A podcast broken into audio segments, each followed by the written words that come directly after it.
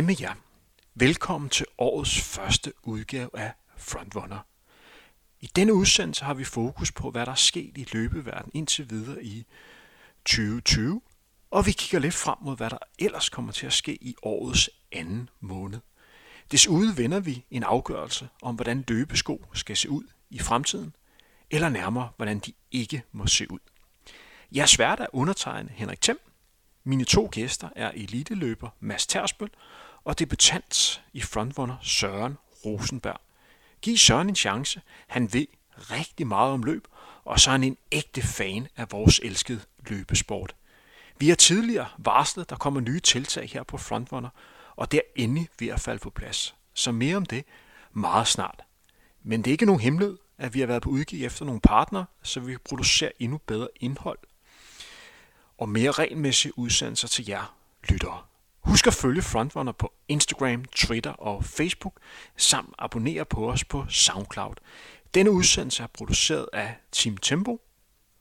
Nu er der ikke andet tilbage end at sige god fornøjelse med denne udsendelse.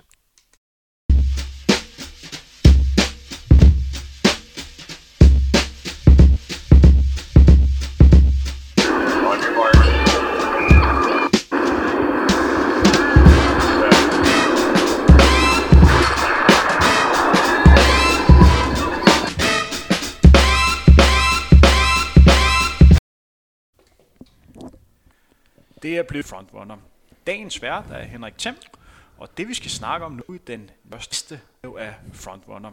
Dagens vært er Henrik Thiem, og det vi skal snakke om nu i den næste øh, times tid, det er, at vi skal se lidt tilbage på, hvad der er sket indtil videre i løbesporten her i 2020. Jeg har inviteret et giftigt øh, panel inden. Jeg har blandt andet en debutant med i panelet. Velkommen til, Søren. Ja, jo tak. Og øh, så har vi også Mads med. Dagens roller, det er, at vi har Søren Rosenberg med, som jeg lidt kalder en, en løbefan. Han er i hvert fald en af dem, som jeg kender, der ved aller, aller mest om løb. Og så har vi jo Mads Tersbøl med, baggrund som i elite løber. Og bliver det igen, skal lige sige til derude. Mads, hvordan går det egentlig med din træning? Det går fantastisk sagt. Nu øh, har jeg været løbende i en fire, fire uges tid, siden midt januar, og kroppen har det helt fantastisk. Jeg har jo vidderlig, jeg tror ikke, 99,9 procent af jer lytter, I aner ikke, hvad jeg har brugt af tid, penge og mental energi på at komme til at løbe igen. Så jeg, jeg føler det, at jeg har klaret OL-kravet lige nu.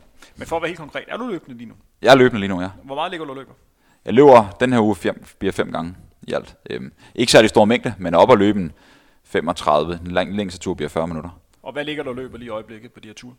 Det er sådan noget omkring. Altså det er meget roligt for mig. 4, 10, 4, 15 per kilometer. Så det føles meget afslappet. Lige nu er det bare vigtigt, jeg ser det som genoptræning, altså bygge vævet op, fordi min, min motor er jo god i forhold til at lave så meget aerob træning. Så nu er det bare stille og roligt bygge det hele op, og så er det mere fokus på at komme i stærkt igen 2021. Og Søren, jeg har en formodning om, at der ikke er så mange af vores øh, lyttere, som, som kender dig. Men øh, udover at du har en, en stor interesse øh, for, for løb og øh, eliteløb, skal vi også lige have mulighed for at lære lidt bedre at kende. Hvad er det, der fascinerer dig ved løb?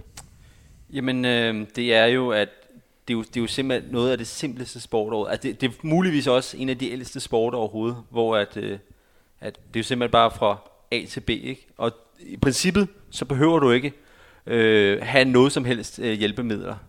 Det har selvfølgelig udviklet sig øh, over årene, øh, sporten, men øh, øh, hvor der kommer mere og mere på. Men i princippet, så behøver man jo ikke at have noget som helst udstyr. Og øh, det, det simple og det enkle med sporten. Det Hvordan fik du interessen for løb?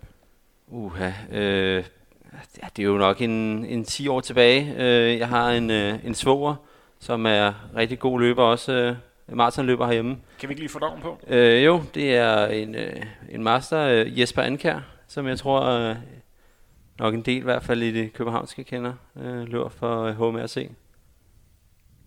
Men øh, Øh, Søren, når vi sådan kigger på, på løbeverden, du har jo både interesse på den danske løbescene, men også når vi kigger sådan internationalt. Hvad har du mest interesse for? Hvad bliver du mest fascineret af? Uh, ja, både over vil jeg sige. Altså, jeg ser mig jo lidt selv lidt som en, en, en nørd på, på den positive måde.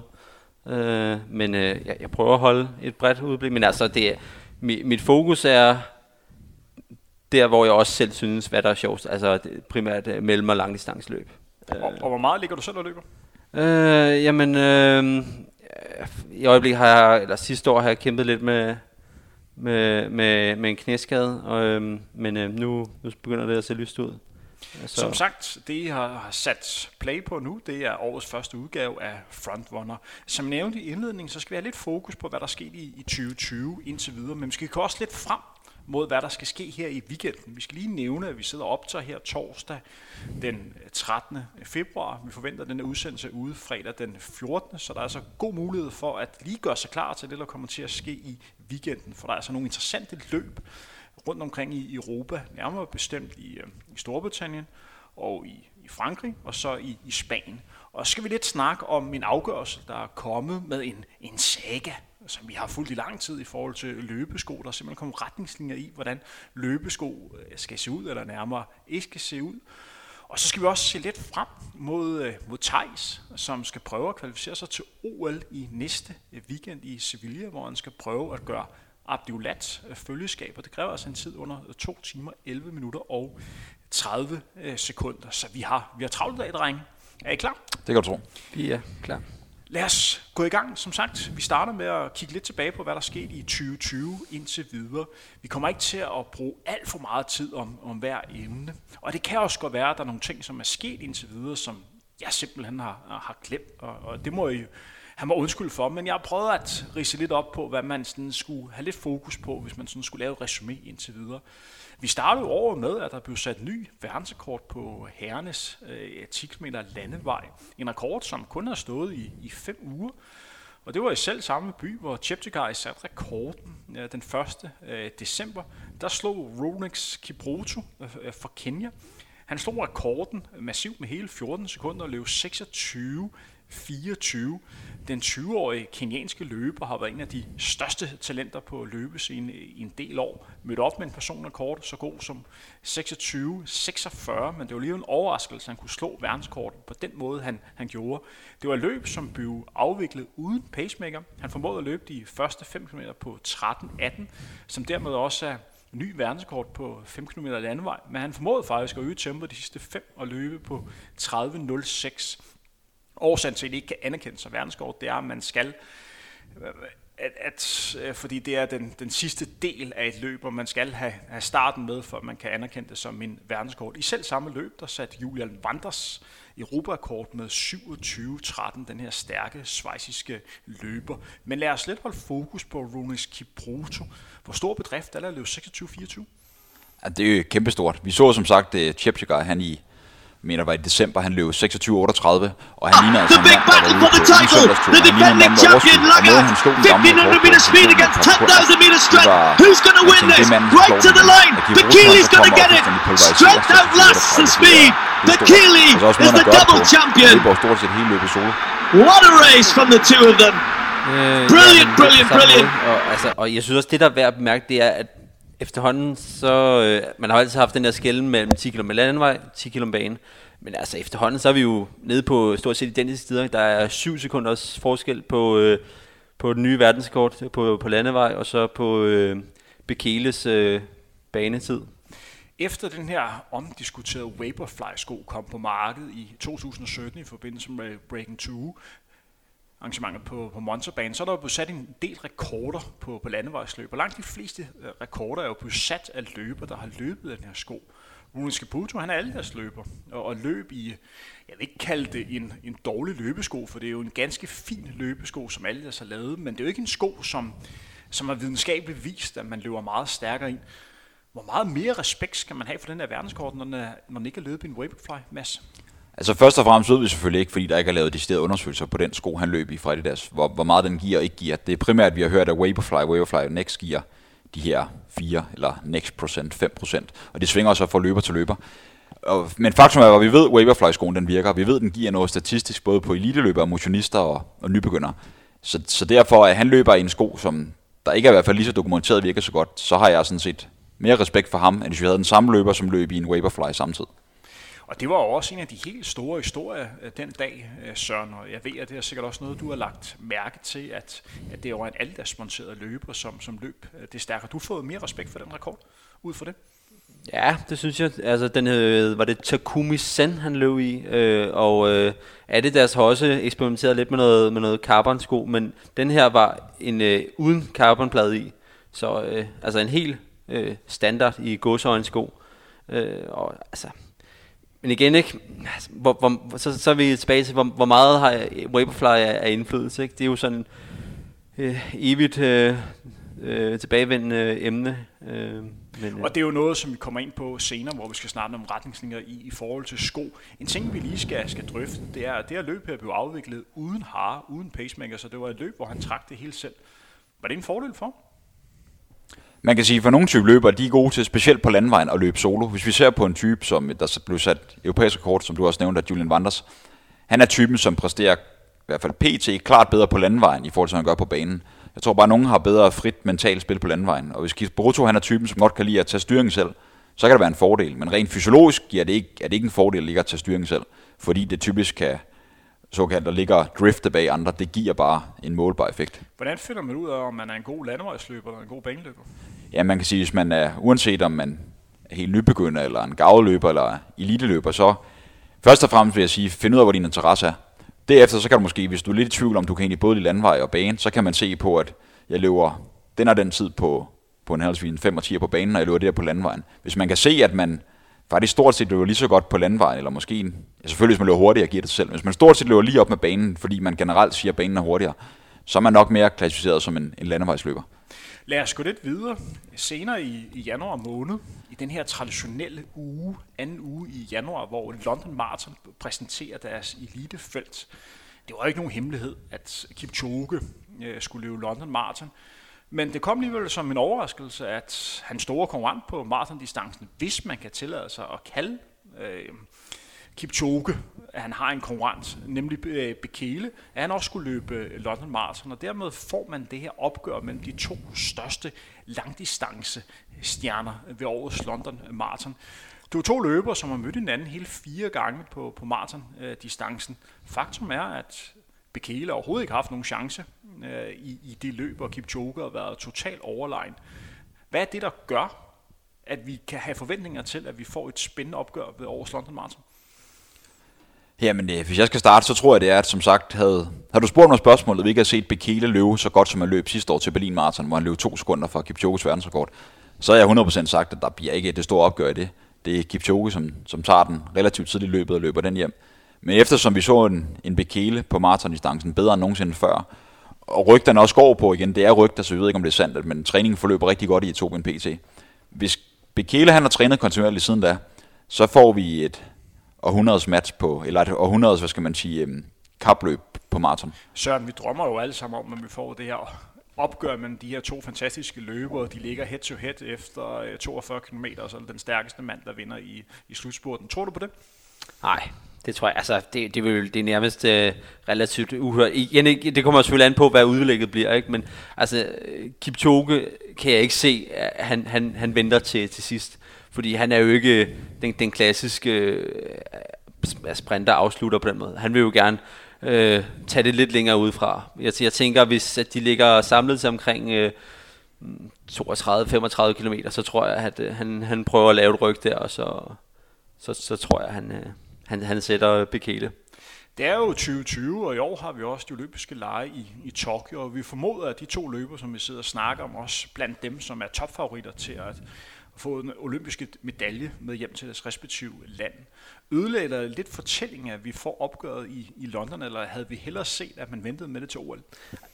Det havde jeg, det må jeg indrømme. Jeg, jeg, havde, jeg havde hellere ventet med det, det, det skal jeg gerne indrømme.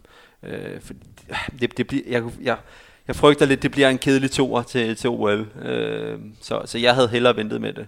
Øh, men jeg, jeg, hele taget, jeg, bare, jeg er lidt ked af, at øh, Kipchoge han løber London igen igen. Altså, jeg, jeg havde, øh, jeg havde, jeg havde sgu gerne set, hvis han havde, øh, hvis han havde prøvet noget nyt, i stedet for bare at løbe det samme igen. Måske noget Tokyo Marathon, måske noget Boston eller sådan noget.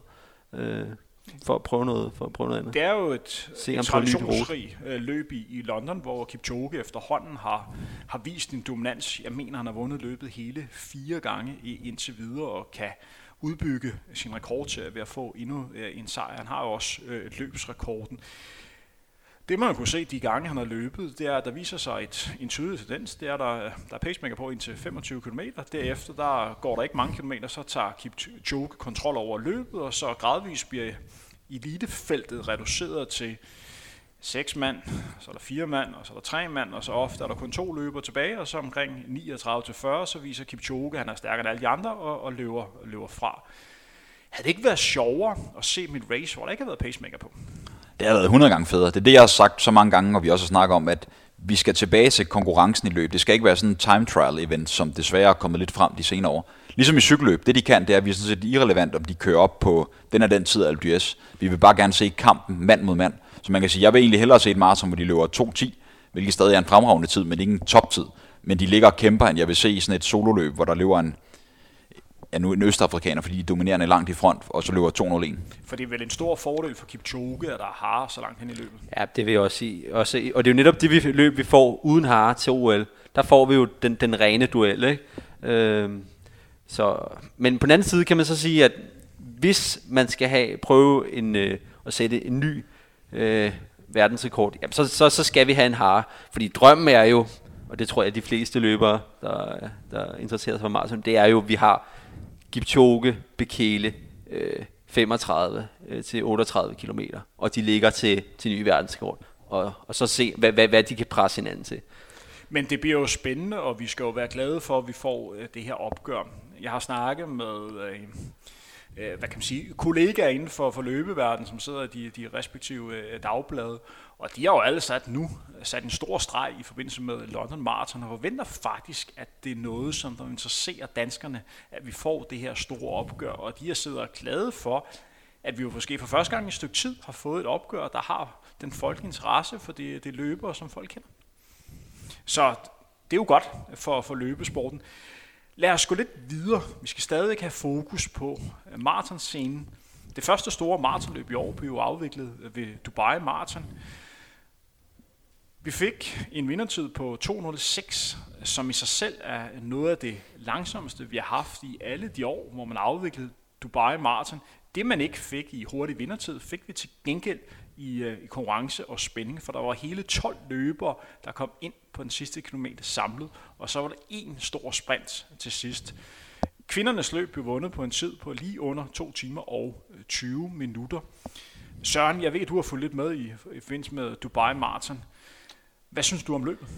Øh, jamen altså, for det, første, for det første kan man sige, at øh, Dubai Marathon, det plejer lidt at være øh, etiopiernes øh, hofløb. Øh, der er ikke så mange kenianer, der plejer at være med der, øh, hvis nogen overhovedet. Øh, og, og ja, det, det var lidt en skuffelse. Øh, jeg, jeg synes, det lignede lidt, at ah, de gik ud lidt for langsomt, og så blev det sådan, nah, okay, så, så, øh, så, så bliver det ikke en hurtig tid i dag, og så slappede lidt af, og så, så blev det øh, et, et rent vedløb til sidst. Jeg vil ikke blive lidt forkælet, Mads, når at jeg starter med at, øh, at fortælle, at øh, to timer og seks minutter som vindertid er en skuffelse. Og man kan sige, at vi havde nok ikke for 10 år tilbage siddet og snakket om, at det var en skuffelse, fordi dengang, der var det jo, jeg kan huske, da Heile, der var jeg ikke særlig gammel, da han har løbet 2.03.59, det var sådan helt vildt. Hvis du løber 2.03.59, så er du verdensklasse, men du kan ikke vinde medaljer til, til de helt store medaljer, til de helt store mesterskaber, eller tage, tage en major. Der skal du altså løbe stærkere end Øh, men, også, men, men det er også fordi, at, at øh, forventninger til Dubai, det var også skruet op, fordi man havde sidste år i erindring, hvor vi havde øh, for første gang nogensinde, var det fem mand under 204, øh, alle Etiopier, og, og, og det skruede måske forventningerne lidt urealistisk højt op til, at det kan man forvente hvert år. Hvad tror du er årsagen til, at vi ikke fik det samme i år? Oh, det, det er svært at sige. Der kan være nogle lokale vejrforhold. Det, nu, nu var jeg jo, nu så jeg den jo kun sådan øh, øh, lidt i glemt på, på, på, på et stream. Og ja, jeg, jeg tror måske, jeg tror måske, de fik lagt lidt for langsomt ud, og så, så blev det sådan lidt, ah, så vi, vi, vi dropper den hurtige tid i år, så, og så blev det sådan lidt... For vi kan vel konstatere, at det er løb, som er forholdsvis hurtigt glemt. Ja, det må man sige, ja. Lad os gå lidt videre i en ting, som der rystede atletikverden, og her fjerner vi lidt fokus for maratonscenen til decideret indendørs atletik. For det, der skulle have været årets store begivenhed, når vi snakker for atletikken, nemlig verdensmesterskabet i indendørs atletik i kinesisk Nanjing i slutningen af marts, er blevet aflyst på grund af frygten for den her øh, coronavirus, som haver lige i øjeblikket.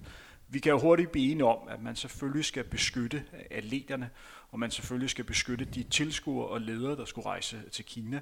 Men det er alligevel sin sag at aflyse en så stor begivenhed som verdensmesterskabet i atletik. Mads, hvad betyder for dig, hvis du som atlet øh, lå og kæmpede på at komme til, til VM, og så lige pludselig øh, opdage seks uger før, at øh, mesterskabet var aflyst, og det bliver ikke erstattet med noget som helst? Jeg nok tror, det var verdens dårligste joke til at starte med. Når jeg så indså, at det var virkelighed, så var jeg blevet vildt frustreret. Når tankerne går, vil man måske godt kunne forstå dem, men omvendt, så, så vidt jeg, nu har jeg ikke sat mig voldsomt ind i sagen, men de, de valgte jo sådan af respekt, fordi Kina har brugt så mange ressourcer og penge og midler for at få det her VM at bestå, at vi, vi rykker det til næste år, så bliver det i Kina igen man kunne jo godt helt sikkert have fundet nogen, et land, som var klar og havde staterne på plads, og sige, vi gør det i Tyskland eller Frankrig, eller, eller hvor ved jeg. Fordi atleterne har trænet. Tænk for nogen, så det er deres drøm, det her. Jeg kender selv en, en belgier ret godt, som flere også danske løbere kender. Mike hedder han. Han lå lige 7,49 her i weekenden på en 3000 meter, og lagde et billede op for sjov, hvor han stod med et par 400 meter løber nogle piger, hvor de sådan stod og spejlede horisonten ud, hvor, hvor VM hen, vi har klaret kravet. Altså, de, det er jo svært at stå, hvis der er 6 uger til, du har klaret kravet i dit livsform, og så og du skal lige vende et år. Søren, hvorfor tror du ikke, man er kommet med et alternativt sted? Det må da vel være muligt at finde et andet sted, hvor man kan afvikle verdensmesterskabet? Jeg, jeg tror, det er hensyn til, til noget, nogle kinesiske sponsorer, ja, nogle, nogle aftaler med kineserne, at, at de vil have det VM. Og så, okay, så kunne du så ikke blive i år, men ah, så bliver det næste år. Men det bliver, det bliver lidt noget bøvl, fordi at normalt så har man jo altid, at øh, indendørs EM og VM, de ligger for skudt hver andet år. Nu kommer det så til at ligge nærmest lige oven hinanden. Øh, de har så godt nok aftalt, at der skal være to uger imellem, men det, det bliver stadigvæk, det bliver langt fra optimalt for europæiske løbere. Fordi, og, og toppe, prøve at toppe med, med, med, med to ugers mellemrum, det, det er altså, det, det er ikke det bedste, det er det altså ikke. Men man kan konkludere, at indendørs sæson bliver jo lidt flad fornemmelse, når der ikke er det her store mesterskab mere. Ja, for det er ligesom guldåret for enden af tunnelen. Nu er, har den været i gang lidt tid, og der har været nogle ret store stævner, hvor der er blevet rigtig stærkt, løbet rigtig stærkt, hedder det. Der blev så sent som, hvad det her i weekenden, sat øh, amerikansk rekord for kvinder på mejlen indendørs. Øh, 4.16 høj, og der er folk derude, som er blevet rigtig stærkt. Brazier, Donovan Brazier, som blev verdensmester på 800 meter, han, øh, tog lige endnu en rekord. Han løb 1.44, jeg kan ikke huske 100 dele på, på 800 meter. I et løb, hvor han løb rigtig, rigtig stærkt. Han løb 24 midt de sidste 200 meter, og det er altså hurtigt at lukke af i. Vi må nok også lige nævne, at vi har fået en svensk verdensrekord i mændenes stangspring. Duplantis, ja. Duplantis på, var det 6 meter og 17, 17. af en 20-årig svensker som godt nok er vokset op i øh, USA, men 6 meter og 17 som, som 20-årig, det er, det er voldsomt. Det er vildt højt. Lad os øh, gå lidt videre. Som sagt, en ting, der også kom frem i slutningen af januar, eller var det i starten af februar, det var, at man endelig kom med retningslinjer på, hvordan løbesko skal se ud.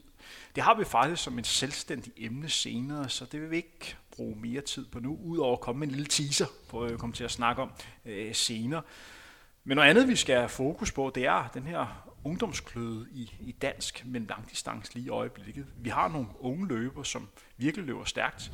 Vi har jo her på Frontrunner haft lidt fokus på Axel Wang, som har vist sit store talent op til, til flere gange, og en løber, som vi meget snart nok kommer til at snakke med her i Frontrunner, det tør jeg godt love. Det bliver spændende at se, hvordan hans 2020-sæson kommer til at foregå. Lige nu ligger han jo og matcher øh, de bedste afrikanske løbere i hans alder. Og så vidt jeg husker, så er han jo kun lige fyldt øh, 16 år. En anden løber, som kun er et par måneder ældre, det er Jon Lillesø for, for Bagsvær. Og han startede året med at løbe 30.01 på, på 10 km landevej med et Sparta øh, motionsløb. 30.01 som, som 17-årig, det er vel relativt godt, er det ikke? Jamen, det er så imponerende. Jeg kan huske, jeg skrev til Joel inden starten, for der var meget snak om flere løb under 30. Så skrev jeg til Jon, du flækker dem i dag. Og han var bare, selvfølgelig gør jeg det. Og så sådan en ild-smiley. Og manden, han gør det fra starten af. Der var ikke så meget bullshit derfor at sige det. Han kører den bare hårdt tilbage og så afsted. Tager den for spids. Emil Holm, øhm, som er også triatlet, rigtig god løber for øvrigt, specielt når han netop ikke har den som primær sportsgren. Han lå med ham et stykke hen ad vejen, og med et par få kilometer tilbage, så er det ligesom Joel, som begynder at, og vise, at han er den stærkeste, og så kommer jeg så ind i 30.01. Det eneste ærgerlige ved det løb, det er selvfølgelig, at Joel gik benhårdt efter at komme under 30, hvilket er en magisk barriere, specielt i den alder. Øh, men alligevel løber han meget, meget imponerende. Jeg, jeg tror, vi kan forvente nogle rigtig store ting de kommende år, Joel. Og det skal jo lige nævnes, at øh, han slog min øh, gamle klubrekord for, for bagsvær. Jeg har jo en, en fortid som, som løber. Det var der, jeg startede min karriere i bagsvær. Og havde klubrekorden indtil den dag på 30 minutter og 10 sekunder. Og den, øh, jeg har ikke lige regnet med, at det var en folkeskoleelev for, øh, for bagsvær, der kom til at slå den. Men øh, ja, årene går. og det viser måske også lidt om, øh, at der er en løber på vej frem her, som, som virkelig kan noget. Hvordan ser du øh, potentialet for, for, for Joel? Jeg kan huske, Søren, at vi to kommunikerede sammen, før jeg skulle ned og lave en optagelse med Jon og hans klubkammerat Anton, ja. hvor du nævnte, at det var to løbere, der rent faktisk var i spil til OL i 2024. Ja, i Paris, ja. I Paris, ja. ja det tror jeg også helt sikkert på, og øh, jeg var også selv inde og, og se øh, Spartaløbet, og, og jeg vil sige, at øh, jeg blev øh, fuldstændig bekræftet i, i Jols potentiale, og det var jo også, det var ikke det bedste løbevejr. Det, det, det blæste en del, vil jeg sige. Så altså, jeg, jeg, jeg tror, der er, der, er, der er klart mere potentiale allerede i år. Hvad er det, der gør ham god? Ja, jeg tror først og fremmest, man kan dele op i det fysiske og mentale. Det fysiske, han har jo statur som en mellem langdistansløber. Og når jeg ser Jo løbe i forhold til mange andre ungdomsløbere, som ikke er måske lige så gode, men stadig løber fremragende, han har det der, i løbevandet kalder vi lidt pop i benene. Altså der er noget spændstighed. Måden han bevæger sig på, det ser bare lidt elegant ud. Og så har han også den der mental, den der attitude. Han, han tager det afslappet. Han har været i podcasten tidligere, hvor du interviewede Anton Østdal og Joel. Og man kan godt tydeligt høre på Joel, han, han kan godt lide at træne konkurrencer, men han er meget afslappet omkring det. Samtidig har han den der attitude, at når han står på stregen, så handler det altså om at slagte de andre kommer over stregen. Og det, den der attitude tror jeg, han kan komme langt med, for det er sådan lidt der lejende tilgang til det hele. Søren, øh, det næste spørgsmål til dig som, som løbefan. Joel har vel også det, man kalder star quality. Han er jo en løber, som er god til at kommunikere. Han er jo en flot fyr og, og, og løber stærkt.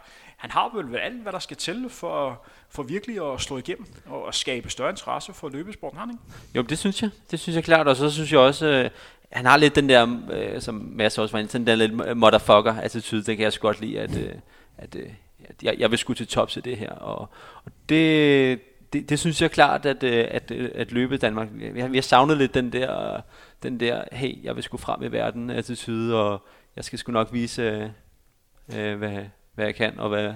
Fordi Valhammer og Axel, det er vel øh, nogenlunde Danmarks svar på Jakob Ingebrigtsen. Kan man ikke øh, sammenligne lidt? Jo, vi har bare to, bare lige på, måske lige et øh, lille øh, niveau under.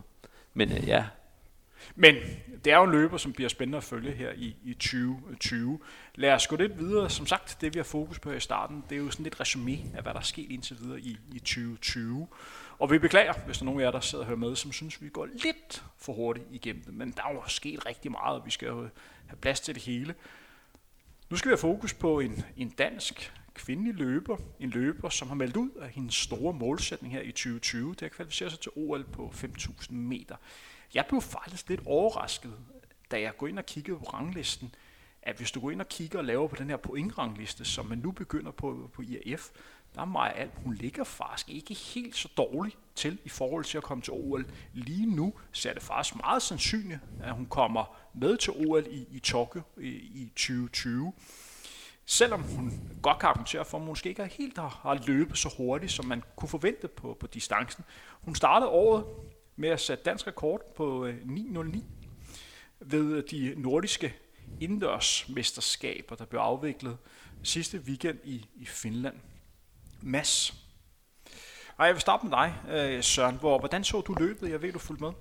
Øh, ja, men altså, øh, jeg, jeg tror klart, hun havde mere potentiale i det. Så, øh, hun, der var bestilt pace til omkring øh, 34 for, for 1500 meter øh, og det vil sige øh, 9 minutter rent. Øh, og pacen løber 3.06 på de første 1000 og går så ud.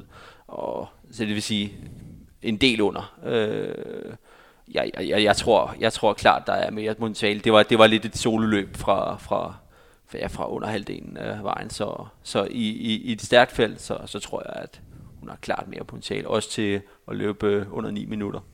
Øh, og jeg giver dig fuldstændig ret med, øh, med hende på 5.000, fordi at på en, på en renset liste, så ligger hun lige ude foran.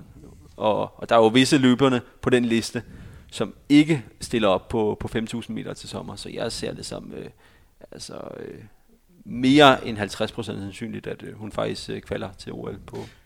Mads, når du kigger på den her tid 9.09, er du så fuldstændig op og ringe og synes, det er en fantastisk tid? Altså hvis man... Der er forskel på, om man ser løbet, hvordan det er gået, som Søren han fortæller, eller man ser bare tiden og ikke ved, hvordan løbet er gribet an. Sådan er det hele taget til alle tider ud i verden. Man kan ikke altid bare ved at se på tiden vurdere, om det er godt eller ikke godt løbet. Så har vi snakket før om 2.06 på maraton. Men hvis nu man har startet med at løbe 66 på det første halvmaraton, og så lukker den af i 60.00, så er det en rigtig flot tid. Så det var hvordan man griber det an. Jeg spørger dig lige igen. Hvor, hvor god tid synes du 9.09 er på øh, 3.000 meter for Sådan isoleret, så er det jo i forhold til dansk niveau, det er dansk rekord, så er det jo godt, men internationalt niveau, så vil jeg da gerne, at den var en smule hurtigere. Når det så er sagt, så synes jeg, det er super fedt at se Maja fremadrettet. Man skal bare huske på, og kæmpe ros til Maja, at jeg har det sådan nogle gange lidt svært ved det, fordi at, øh, jeg har, vi har en Anna Emilie, som jeg ved kan løbe voldsomt hurtigt. Hun løber det cirka den samme tid med forhindringer på.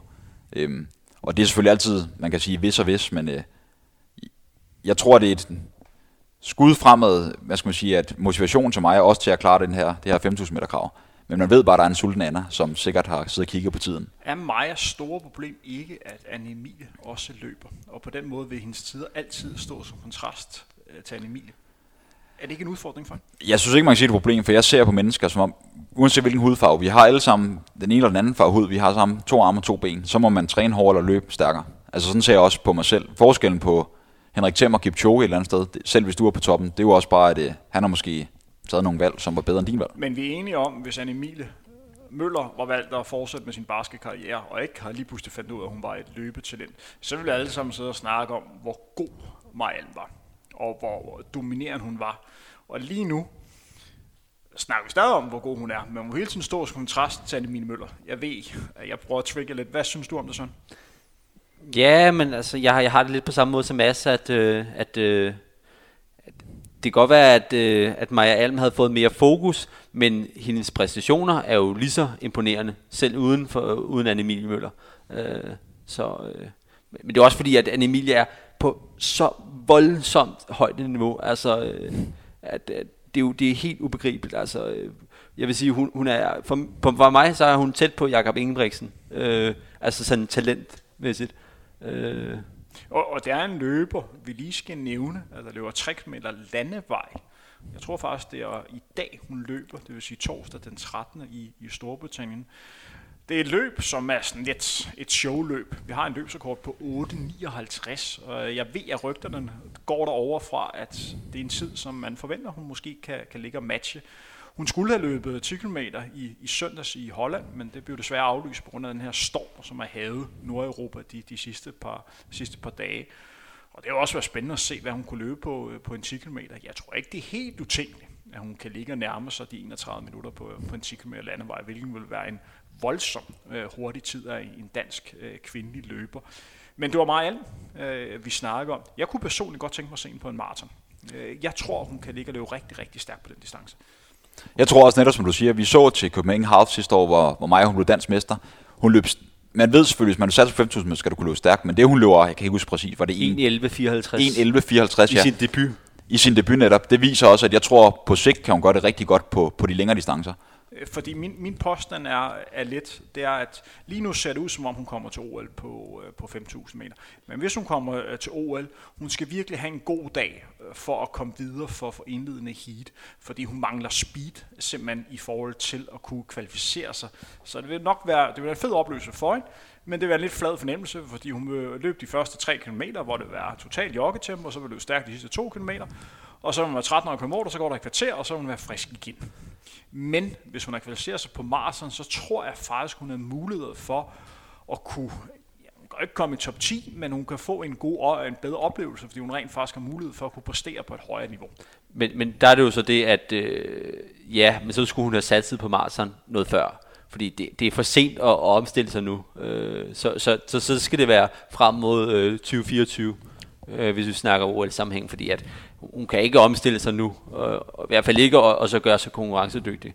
Så, så, så det er OL, hun skal give al sin fokus på 5.000. Og så... Øh, og så, så må vi se derefter, fordi at øh, alt andet giver ikke mening. Og så synes jeg faktisk også nu på Anna og Maja, det er skægt, at vi har de to bedste kvindelige løbere herhjemme lige pt. på de fra mellemdistancer op, som faktisk kommer fra andre sportsgrene. Man kan sige, at Maja kommer selvfølgelig fra noget lignende orienteringsløb, men Anna hun kommer fra basketball. Vi nævnte tidligere Emil Holm, som faktisk er triatlet, og alligevel så går han ud og rundbarberer en stor del af Danmarks bedste løber. Så det siger måske noget om, at vi skal ændre noget på vores træning i løbesporten, eller ændre vores fokus, vores vilje, så det ikke bare bliver sådan en... Men siger det ikke også noget om, at talenter kommer alle steder øh, fra, øh, og og man nogle gange ved tilfældighed opdager, at man er et, et løbetalent. Langt de fleste mandlige langdistanceløbere kommer jo fra, fra fodboldsporten af, og på den måde kunne, kunne se, at gud, de var nok ikke den nye Michael Laudrup, eller den nye øh, øh Brian Laudrup, men øh, fandt ud af, at de var bedre til at øh, løbe langt og løbe hurtigt. Og det samme, Danmarks hurtigste øh, sprinter, jeg tog, den danske rekord nu er, er slået på, på 100 meter, nemlig Morten Jensen, øh, som har løbet 10-28. Han startede som målmand. Han var målmand på øh, Hillerøds øh, fodboldhold. Jeg tænker, man har en, en mand, som har løbet 10-28 på, på 100 meter, som også har den danske rekord på længdespring stående nede på målet. Altså, man var formodet, at han kunne, kunne sætte nogle mand op i, op i angreb. Så, så, men det viser lidt om, at, øh, at talent, det nogle gange blomstrer øh, og det, det er svært at holde nede, når man først opdager det. Men lad os gå lidt videre, fordi det her det er noget, vi kan, kan snakke rigtig, rigtig lang tid om, og nok også komme til at snakke om øh, senere. Men der var en løber, som løb stærkt øh, på 3000 meter distancen, nemlig en mandlig løber, Mikkel Dahl. Han var også med til det her nordisk mesterskab, hvor han var tæt på at vinde 1500 meter. Jeg mener på nummer 3 i, i 3.45. Ja, han går meget ned til sidst desværre. Han, han, han fører ret suverænt med en runde tilbage. Men, men han, han, øh, han går fuldstændig ned til sidst desværre. Men et par dage efter, der formår han på et 3000 meter stævne i Odense og løbe under 8 minutter på 3000 distancen. 7, 58, 99. Stor respekt skal også lyde for hans træningskammerat, øh, Michael Jonsen. Hans efternavn er udtalt korrekt, er det ikke? Ja, det er korrekt. Eller Johnson, som de Johnson, kalder ham i Jylland. ja. øh, der, der lå og træk ham undervejs, men det med at løbe under 8 øh, som dansk løber indendørs i Danmark, det er vel en stor bedrift, det her? Ja, det er rigtig godt. Jeg var virkelig glad, da jeg så det. Jeg kan huske, jeg skrev med Mikkel lige inden, øh, jeg tror det var morgenen eller dagen, inden han skulle løbe, hvad hedder det, NM på 1500 meter, og han skrev, at han glædede sig vildt meget, men han var i 3000 meter form. Han var i rigtig god form på 3000 meter. Og så skrev han allerede inden da, at på tirsdag, der løber jeg uden, så jeg går efter under 8 minutter. Og så, øh, vi skrev kort sammen efterløbet, og så, men Sanden han gjorde det, han lå under 8 minutter. I et løb, skal det siges, for, hvor Michael var pacer, men nummer to løbet, så vidt jeg husker, løber 8.40. Mikkel vinder altså i 758-59. Og det er, det er højt niveau til jer, der ikke har helt kan sætte jer ind i, hvor godt det er. Det er jo, vi er mest vant til 5 og 10 km løber. I hvert fald meget publikum derude, der hører med lige nu. Så er at løbe under 8, det er altså rigtig stærkt. Det er vel dernede, hvor man begynder at argumentere for, at det er en, en tid, som nogenlunde matcher det, som Ole Hesselbjerg har løbet på 3000 forhindring. Ole Hesselbjerg har løbet 8-28 på forhindringen. 27. 27, så det er omkring de her 30 sekunder, man sådan kan, kan ligge og bruge som sammenligning. Det er vel det omkring, han nærmer sig? Ja, man kan sige, det er altid svært at discipliner imellem og, og sammenligne dem. Og så det, der er så svært ved 3000 meteren, det er, at det er sjældent, man, man løber den. Der er mange måske derude, som kan løbe hammerne godt på 1500 meter, og måske også en femmer eller omvendt, men de har bare ikke særlig mange skud i bøssen på, på en 3000 meter. Søren, jeg vil gerne spørge lidt ind til igen. Øh, du tager stadigvæk den hat på, der hedder løbefan. Hvis man skal snakke om, hvem der sådan er de største øh, løbere herhjemme, og undskyld, hvis det her det bliver opfattet som en lidt Københavner-podcast, en Sjællander-podcast, det er slet ikke det, der er meningen. Det er lidt mere den fremtoning, man har, men jeg tror ikke, der er særlig mange, hvis man spørger folk, der følger med i øh, miljøet, der vil pege på Mikkel Dahl som blandt de, de fem største og bedste løbere hjemme. Men det her er vel argument for, at han hører øh, det op, at han har et, et højt niveau. Det er vel en løber, som fortjener mere anerkendelse og mere respekt, er det ikke? Det synes jeg bestemt, øh, og jeg, jeg så stort potentiale for Mikkel, øh, og jeg, jeg vil sige især mod, øh, mod 5.000, der tror jeg virkelig, at han, øh, han, øh, han, kan, han kan nærme sig en dansk rekord. Måske allerede næste år, men hvad så i hvert fald, måske allerede i år, men så i hvert fald næste år på, på 13.25. Øh. Fordi det er vel øh, en løber, vi har snakket om det øh, før, Mads, at vi sådan niveaudeler øh, løber. Vi har løber, som er gode nationale løber. Så har vi løber, som kan konkurrere på et nordisk øh, niveau. Og så har vi løber, der er med på et europæisk niveau, og så internationalt øh, niveau. Hvor synes du, Mikkel befinder sig nu i de her fire kategorier? Altså man er jo nødt til at se det i større sammenhæng. PC kan man sige, der er han jo rigtig god på, på nordisk niveau, hvis vi lige tager de tre Ingebrugsen-brødre fra. Og det er ikke kritik til Mikkel. Det er mere bare, at de er en klasse for sig, lige så vel som Anna er en klasse for sig. Øhm, men jeg tror, jeg glæder mig rigtig meget. Jeg ved, at Mikkel han satte sig på i år, hvor han indtil nu primært har sat sig på 1500 meter. Øhm, for at få hastigheden op og se, hvad han kan der. Så i år, det bliver et mix øh, på en, en satsning på henholdsvis både 1500 og 5000 meter, som vi har set mange belgier også har gjort med, med succes. Øhm, og til sommer, der har, har Mikkel sagt, det tror jeg heller ikke er nogen hemmelighed, at, at målet det er en dobbelt til, til EM. Så jeg tror, at øh, hvis Mikkel han kan komme ned og løbe i tider, der skal til, og vise, at han har niveauet til at kunne være med og komme ud af indledende heat, så begynder det så nærmest at nå mere europæisk niveau. Og vi går direkte videre. Nu begynder vi at kigge lidt mere frem på, hvad der skal ske i den, den kommende weekend. Og det er jo sjovt, at vi snakkede om, om, om Mikkel, fordi det er netop ham, vi skal have fat i øh, nu igen. Fordi allerede her øh, på, øh, på søndag, der løber han 5 km i det Monaco, hvor han skal løbe 5 km øh, landevej. I det nye arrangerede landevejsløb, jeg tror det blev løbet for første gang øh, sidste, sidste år. år, hvor der blev øh, hvor man har indført denne nye regel for IAF, at man har sådan annulleret alle verdenskorter på 5 km distancen før, så det jo gjorde, at der var gode muligheder for at få nye rekorder øh, med hjem, og det var blandt andet det, som Julian Vanders udnyttede. Og vi fik også en dansk rekord på 5 km landevej med Annemile Møller. Men der stiller Mikkel Dahl op. Han, nytårsaften løb han 14 18 ved det 16. 14 16 ved deres nytårsløb i, i Aarhus.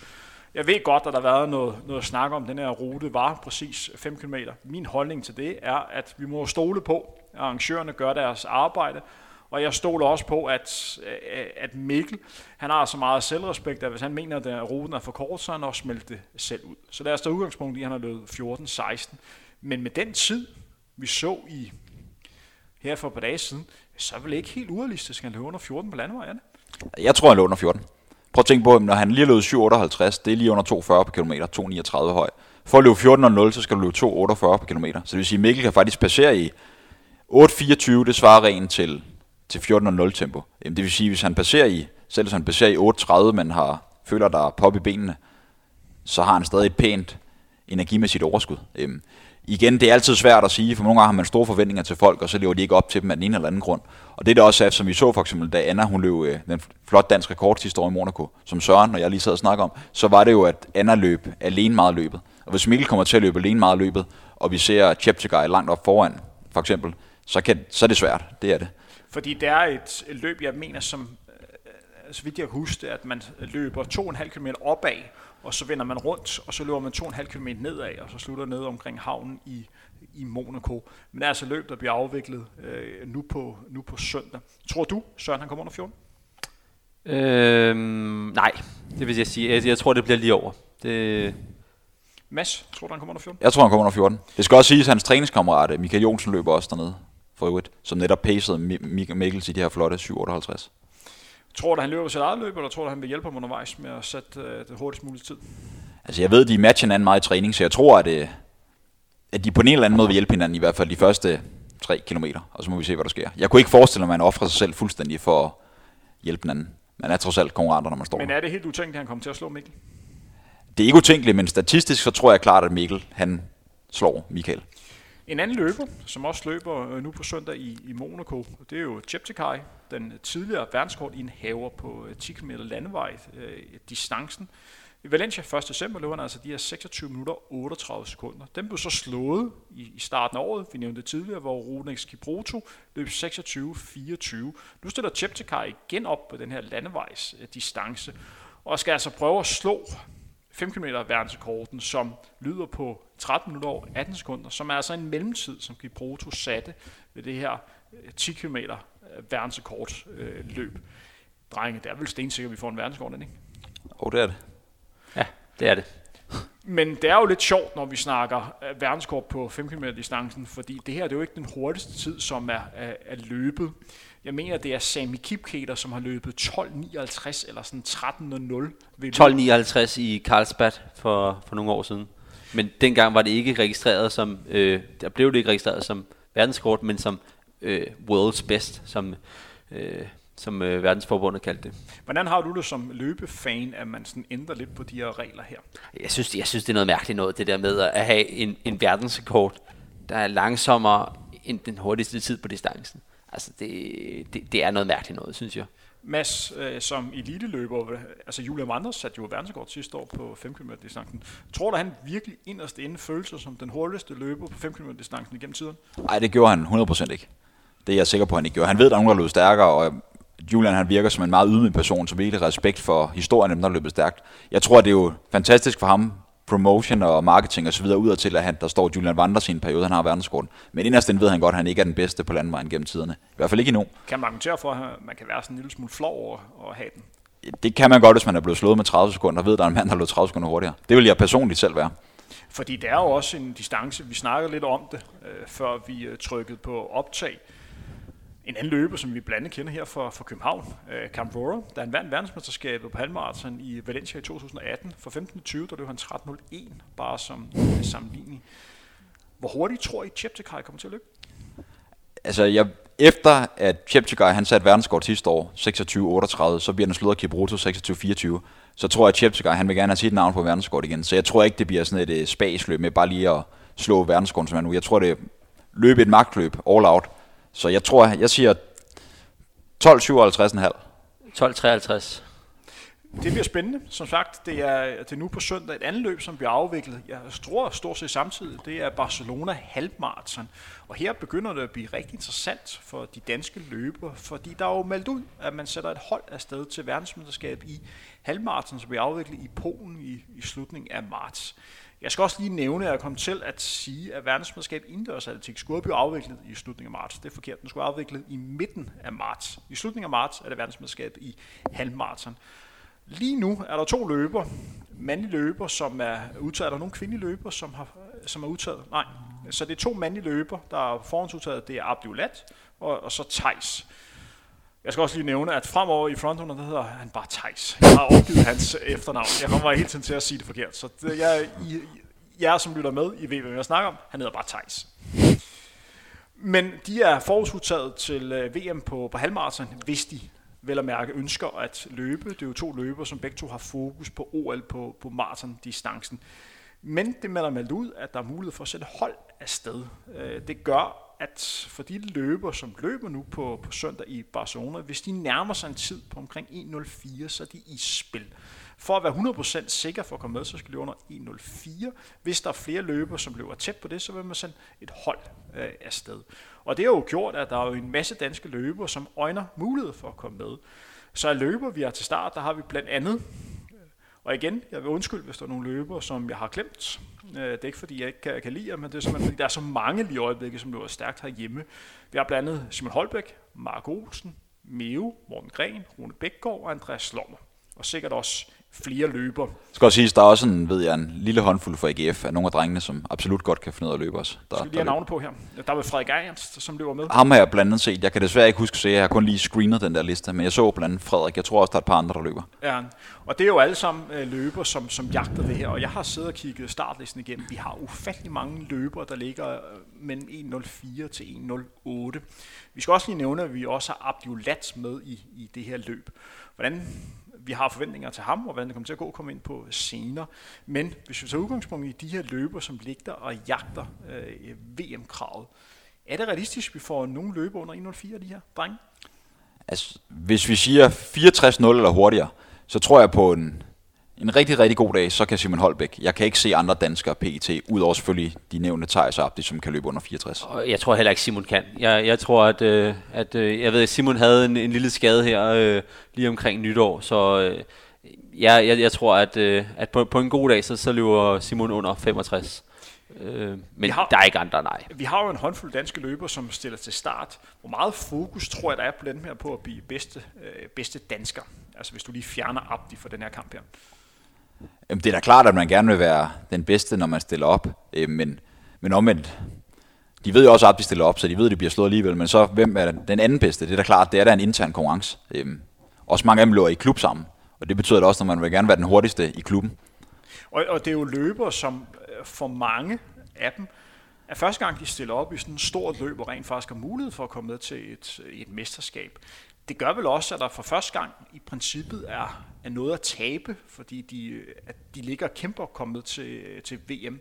Prøv at sætte det lidt ind i, i løbernes hoved. Hvor meget tror jeg, det, det ligger og tænker? Jeg tror jeg, de har lidt det her med, at vi har noget at tabe? Eller tror jeg, de ligger og tænker, at vi har alt at vinde?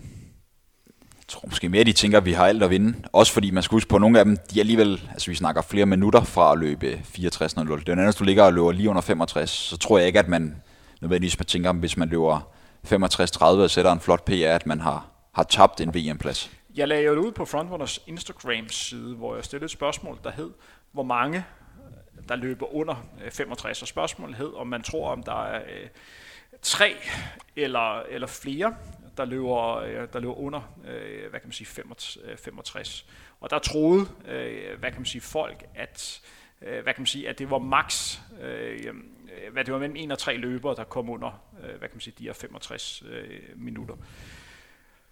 Men lad os lidt fokus på, på Abdi Ulat. Abdi møder jo op efter hans fantastiske maratonløb, hvor han løb de her 2.11, øh, hvad kan man sige, 0.3 og kvalificerede sig til OL i, i, i Tokyo. Han mødte op med en personrekord på halvmarathondistancen på 1.02.15, der blev sat i Valencia i 2018. Han jagter jo Carsten Jørgensens dansk rekord på 1.01.55, der er tilbage fra 1998. Er det skudt helt ved siden af, at han kan slå den tid? Altså jeg kan sige så sent som for få dage siden, der skrev Abdi til mig, der sådan spurgte, hvordan det gik, at han var sgu blevet lidt småfed. Han havde levet lidt for godt over julen, så han følte sig faktisk ikke sådan særlig godt kørende. Han er ved at komme i gang igen ovenpå både emotionelt, mentalt og så også fysisk. Så jeg tror ikke, man skal forvente. Jeg håber det, men jeg tror ikke, som man selv siger det, så er han ikke i den form, han var i december lige nu. Hvordan ser du det sådan?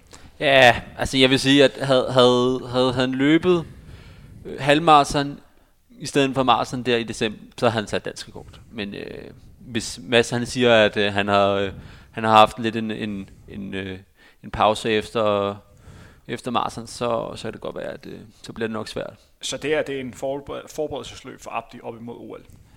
Det tror jeg mere, det er. Og VM, VM ja, også, ja. Der ja. tror jeg på, at øh, der har nok en bedre chance for en, for en dansk rekord. Det bliver spændende at se i, i hvert fald. Vi skal også lige øh, komme ind på, at Emil Møller løber jo de her 3 km i, i aften i, i Storbritannien. Det er altså torsdag den, den 13. Øh, februar. Hun jagter den her løbsrekord på 8.59 det ville være sindssygt imponerende, hvis hun kan komme under 9 minutter på 3 km landevej, vil det ikke? Det vil det, men jeg tror på Anna. Hun er, hun er ikke, jeg vil ikke engang sige overrasker, hun præsterer gang på gang på virkelig højt plan, og hun, det Anna hun kan, det er, når hun står til de løb, der tæller for hende, så præsterer hun.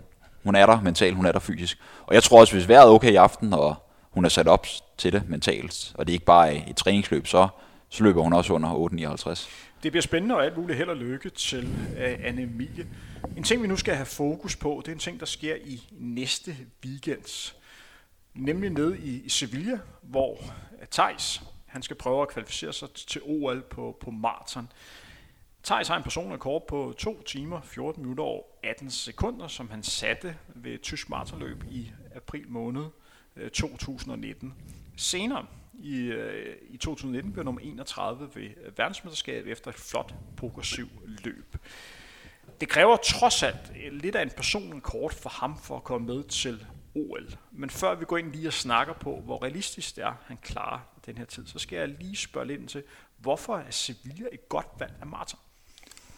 Hey. Jamen altså, øh, for det første så er det en relativt flad rute, øh, og så er vejret er perfekt. Øh, lidt det samme som øh, Valencia også har. Og så er det et, øh, et godt felt. Øh, det er sådan et, øh, man kalder det et, et, øh, et gold label øh, løb. Øh, så det har det der stempel. Øh, og det garanterer et, øh, et, et vist niveau af løbere. Og, øh, og så er der bare mange, der, øh, der løber efter cirka samme tid som ham. Altså da, jeg snakkede med, øh, da jeg snakkede med Thijs og de informationer, jeg kunne få på hjemmesiden, så ser det ud som om, at der er én pacer, der er sat til at løbe de første 21 km af den gruppe, som, som Thijs øh, skal ligge i, eller i hvert fald er meldt ud, han kommer til at ligge i. Der er, der er omkring 10-12 løber, som er meldt ud, at de går efter at klare OL-kravet og gerne vil hjælpe om det. Som udgangspunkt snakker vi om, at de skal ramme den første halvmarathon, det der hedder 1.05.30 til 1.05.45. Så det vil sige, at de prøver at løbe så stabilt som muligt. Der er altid den usikkerhed, når der kun er én mandlig hare med, det er, at man rent faktisk er i stand til at kunne holde tempoet hele vejen igennem og løbe det stabilt. Det kræver trods alt en løber på et vist niveau at kunne ligge og køre det stabilt hele vejen øh, igennem. Men som Thijs selv siger, hvis han ikke har dagen, så må man lige gå frem og selv arbejde. Der er jo en masse spanske løber, som ligger og skal prøve at jagte øh, kravet. Jeg mener også, at de har de, øh, de spanske udtalelsesmesterskaber i forbindelse med, øh, med det her løb. Mads, hvad taler for, at han kvalificerer sig? Jamen det, der taler for, det er først og fremmest, hvis vi ser, at Thijs begynder at skifte fra banen og fokusere på maraton, så har det kun været en, en opadgående kurve i positiv forstand. Hans tider gået ned, og han startede med at løbe i Odense, hvor han blev dansmester, hvor han løber de der 2.19 et eller andet, altså under Høj, 22, 2.19 høj, ja. Og så løb han øh, sidste år i Düsseldorf fremragende 2.14.18. Så løb han øh, VM i Doha, der kan man ikke sammenligne tider, fordi at der var meget, meget varmt, der var nogle vilkår, som gjorde det hårdt der, men der blev han nummer 31. Men siden Doha og til nu, nu snakker jeg sådan og skriver en, en del med Thijs og følger meget med i hans træning, der virker det virkelig som om, han er nået det, det næste skridt. Faktisk lige inden vi gik på, så havde snakket jeg, Thijs jeg en 45-50 minutters tid, øh, bare lige vente, hvordan det hele gik. Øh, og han føler sig, han har ikke før haft så god forberedelse, siger han. Han føler sig virkelig godt kørende. Nogle af de træningspas, han har haft, øh, også bare kontinuiteten og densiteten af de pas er, er bedre end nogensinde før. Så det taler for, at han, han klarer det. Også som man siger, nu tror han faktisk langt mere på det, i forhold til, hvad han bare gjorde for tre måneder siden. Hvordan kigger du på det sådan? Jamen, øh, lidt på samme måde. Og så øh, altså, skal man også tænke på, at øh, han skal løbe ja, cirka 3 minutter hurtigere. Altså, på, at rykke det fra et år fra Düsseldorf, altså, jeg synes på ingen måde, det virker urealistisk. Øh, og så også, jeg, jeg, jeg synes også, han udtalte efter øh, Doha, at øh, han, øh, han var faktisk i form til at løbe en PR. Så, øh, så ja, jeg, jeg vil sige, at øh, mine, mine forventninger de, øh, og håb, det er, det er, det, det er ganske optimistisk for Thijs. Og der er jo ingen tvivl om, vi alle i det her lokale, og alle, der sidder med, håber selvfølgelig, at øh, Thijs klarer kravet. Men hvis vi trods alt lige skal vente om, og så snakke om, hvad der, der taler for, at han ikke øh, gør det. Kan I komme ind på nogle argumenter for, hvorfor han ikke skulle klare kravet? Altså først og fremmest er det lige frem. Det kan være, at vejret er dårligt nede, det gør det for varmt, det kan være, at det blæser for meget, det kan være, at gruppen splittes op, pacerne ikke gør, hvad han skal. Hvis vi udelukker alle de der ting med, med vejr og dårlig mave og sådan nogle ting, man ikke altid lige frem kan kontrollere, så skal det jo være, som Søren siger, det er, på et år kan man godt barbere tre minutter af, men på den anden side, så er det stadigvæk tre minutter, det er et nyt territorie. Øhm, så er der også det i om han kan, det mentale pres, man har lagt på sig selv, fordi det er trods alt, man kan måske argumentere for, at det her, det er faktisk PT Thijs' vigtigste løb nogensinde, fordi hvis han klarer kravet, så kommer han til OL. Så vil nogen sige, at OL er vigtigst, men det er jo sådan mere det, man har... Hvis ikke man har klaret kravet, så kan du ikke komme til OL. Så på den måde er der både et eksternt og internt et stort pres, men hvis han formår at håndtere det godt, så, så skal det nok lykkes. Men maraton er bare, det ved du også om nogen til, der kan ske så meget undervejs. Det kan være, at det kører ved 32, man tænker, at den her den er hjemme, og bang, så går maven ondt, eller energien den drænes bare. Tror du, det er en fordel for ham, eller en ulempe af Appy at løbe så stærkt, som man trods alt har? Jeg tror ikke rigtigt, det er nogen indflydelse. Øh, men altså, hvis man ellers skal sige, hvad der taler imod, det er også, historien taler lidt imod, der er meget, meget få danskere, der har løbet under 2.12. Øh, jeg tror faktisk kun, ud over Abdi, så er det Henrik Jørgensen med dansk kort, 2.09, nogle 40, og så Allan Zachariasen med 2.11 lav. Øh, og ellers så er der ikke andre, der har løbet under 2.12. Øh, så øh, historien taler lidt imod, jeg vil sige personligt det, som jeg er mest bekymret for, for, for Thijs' vegne. Jeg tror faktisk, han har kapacitet til at kunne matche Abdis tid på det her 2 timer, 11 minutter og 3 sekunder. Han løb en rigtig flot øh, 10 km øh, landevej i, øh, i Paris en af de sidste dage i december øh, 2019, hvor han kom under 29 minutter. Jeg synes ikke, han havde verdens bedste løb til Europamesterskabet i, i, i cross, og jeg synes måske også, det havde været bedre, at han nu måske er fokuseret på at blive frisk igen efter hans verdensmesterskab, og havde fokus på at starte på, på maratondistancen. Men jeg ved også, det er vigtigt for, for Thijs at deltage i Europamesterskabet i, øh, i cross, så det kan man sikkert godt forsvare det. Han viste i hvert fald den her 10 km tid, at træningen går, som den, øh, den skal. Men der, hvor jeg gerne vil hen, det er, jeg tror, det essentielle for, for Thijs, der hvor det, hvor han går ind til øh, løbet, om han ser sig som en, en løber, som allerede har kvalificeret sig til OL, eller som en løber, der rent faktisk har mulighed for at kvalificere sig til OL. Fordi hvis han går ind med det mindset, at han princippet allerede er ved OL, men kan miste, hvis han ikke løber så godt, så tror jeg, at han godt kan komme til og løbe med for meget pres på, at det kan blive en negativ indflydelse, når det begynder at blive hårdt, og det vil blive hårdt på den her øh, maratondistance på et eller andet tidspunkt. Men hvis han til gengæld kommer ind med en mindset, der hedder, jeg har mulighed for at komme til OL. Jeg er der ikke nu, men jeg har mulighed for at komme derop, så han hele tiden tænker på, at jeg er alt at vinde. Det tror jeg, jeg kan gøre, at han kan komme derhen. Men det er svært, fordi i træning, det der gør, at han kan træne godt lige i øjeblikket, det er den her sult for at komme til OL. Og jeg tror op i Thijs hoved, der tror jeg allerede, han er der. Jeg tror, han allerede er øh, i Tokyo. Så, så, men det er den største bekymring, øh, der er, øh, der er for Thijs lige nu. Og så er der et andet, det der hedder, der hedder vejr og, og vind. Han har jo været en måned i, i Kenya på træningslejr, hvor der er ingen tvivl, han har trænet godt. Og så er han kommet hjem til Danmark, hvor vi har haft den, den varmeste vinter, måske nogen side. Men de sidste par dage, der er altså blæst rigtig, rigtig meget i, i Danmark, begyndt at blive koldt. Det er lige nu, hvor han begynder at finde selvtillid i træning og føle sig ovenpå. Det må have påvirket ham på nogle af turene, hvor man begynder at tænke, puha, er jeg nu, hvor jeg skal, jeg skal være? Så tager han så igen øh, til, til Spanien, er en uge igen op til, øh, op til løbet. Det er en fordel at komme ned i, i varmen, men det giver ham også mulighed for at ligge og tænke endnu mere på det, han skal, øh, det skal ud med. Og, og, og, og præstere. Øh, så, så det bliver øh, spændende at se, hvordan det kommer til at gå med, med Thijs. Mads, før vi gik på, der nævnte du lidt, at han faktisk også løber øh, Barcelona halv nu på søndag. Ja, det er rigtigt. Øhm, han løber ikke et maksløb, så folk skal ikke forvente, at man skal gå efter en personrekord. Det er også meget tæt på, på maraton, nemlig en uge inden. Men han, øh, så vidt jeg kan forstå planen er, så er der at løbe 10 km maraton pace, altså forventet 2.11.30 pace, eller lige under 1 km jog, og så de sidste 10 km maraton pace. Så det bliver jo en tid på de der omkring, afhængig af hvad joggen bliver, omkring 66, lidt over 66 minutter. Øhm, så kan man sige, at der er nogle danske løbere, som måske godt kunne tænke sig at løbe med som har. De skal selvfølgelig bare huske, eller ikke som har, løbe med og have en har. De skal bare huske på, at hvis planen holder, så er der lige en kilometer med jog i midten, så man måske ikke skal gå ned og jogge i, i 400 fra. Men så har de om de første 10 km. Så har de om de første 10, og det betyder meget. Jeg kan godt lide øh, modellen af Thijs øh, stille op til, øh, til løbet. Det gjorde han sådan set også øh, ved Berlin Hall, øh, mener jeg, øh, sidste år, hvor han også brugte det som, som træningsløb. Jeg synes bare, at det er en gambling at tage ugen før hans måske vigtigste maratonløb igennem karrieren. Det er det afgør, om man skal tro eller ej. Jeg tror ikke, han får en så stor chance, som man får nu her for at komme til, til OL på maratondistancen. For maraton kravet, det bliver reguleret øh, næste gang. Så hvis han skal til OL på maratondistancen, så er det altså øh, nu her. Der er bare den usikkerhed, når man stiller op med et startnummer på, det er, at man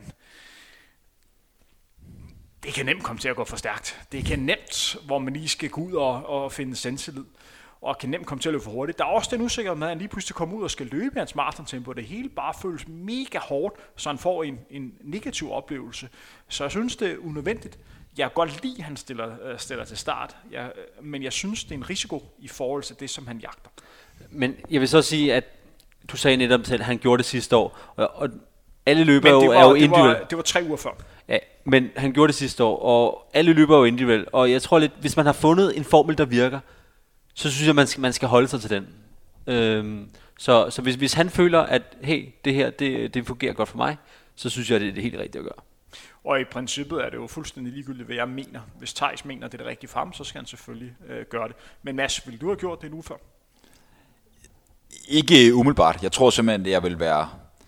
Men mindre jeg har prøvet før, det virkede som Thijs nu, men jeg tror også, jeg kunne være bange for en ting, om at løbe for stærkt. Forhåbentlig om disciplin sikkert godt det, men det der, når du stiller op i et løb, og der er mange mennesker, der gerne vil frem. Der er også den risiko, som vi så til Cambrora i 2014 ved VM halvmarathon i Cardiff. Han snublede, fordi der var en motionist eller sådan noget, der trådte på ham. Det kan også ske hernede, at man snubler og vrider benet om, og man vil æve så gul og grøn resten af livet, hvis det her det var chancen. Men jeg tror, som Søren også meget fint nævner, at de har fundet en formel, der virker, og Tejs tror på den, eller Kim tror på den, og den skal de selvfølgelig eksekvere på. Det bliver spændende at, at følge i hvert fald. Det var jo sådan inde på Instagram, der spurgte jeg også, hvor mange der, der troede, at, at Thijs han kom til at klare det OL-krav, og det var faktisk 83 procent, der troede, han kom til at løbe under 2.11.30. Tror jeg også, der er så stor sandsynlighed for, at han løber under 2.11.30? Om der er 83 procent, det, det ved jeg ikke, men jeg, jeg tror, han klarer den, det vil jeg sige. Øh, og jeg har også øh, kigget lidt på, på, jeg ved godt, det skal man passe lidt på, men på hvad løber på hans niveau, øh, der har løbet hans ens, ens sider. Øh, og jeg vil sige, at øh, der har jeg især kigget på en, en ier, der hedder Steven Skoljen, øh, som har haft fuldstændig den, nærmest identiske tider på 10 km, på halvmarathon og marathon, og så også løb øh, Doha øh, som hvor Thijs han var bedre. Og han løb altså 2.11 51 her i Houston her i januar. Mm. Og, øh, og hvis Thijs han lige er de der procent bedre, øh, ruten er lidt bedre end over i USA, og vejret er lidt bedre, og feltet er lidt større. Det var et øh, ret ensomt felt. Øh, hvis alt det er lige bedre, så er der altså mindst 20 sekunder der. Så. Og det skal også lige nævne, at siden jeg selv lå og konkurrerede på maratondistancen, så er der sket en tidsmæssigt boom hvis jeg ikke havde løbet hurtigere end de personer, jeg render rundt med, så var jeg ikke meget værd øh, den dag i dag. 2.15, det, øh, det boomer altså ikke så meget, når vi snakker europæisk langdistance. Slet ikke ren øh, verdensdistance. Det har måske været meget godt til Copenhagen Marathon, men hvis du gerne vil med til de store mesterskaber, rækker det ikke langt med 2.15. Der skal man altså nu ned og løbe 3-4 minutter hurtigere. Meget svaret øh, ligger i forhold til udvikling på, på løbesko, men også det med, at der er løbere, der er tidligere går op på maratondistancen, fordi de kan se, at det er her deres mulighed for at komme med til de, de store mesterskaber. Jeg tror ikke, sådan en løber som Abdi var gået op nu her på maratondistancen, hvis han har haft mulighed for at komme med til OL, lad os sige på en 10.000 meter. Men lad os gå lidt videre med en af de sidste emner, som vi skal snakke om i dag, og det er jo faktisk passer det meget godt i forhold til, at vi lige har snakket om forhold til det her tidsboom, der er sket på, på maratondistancen.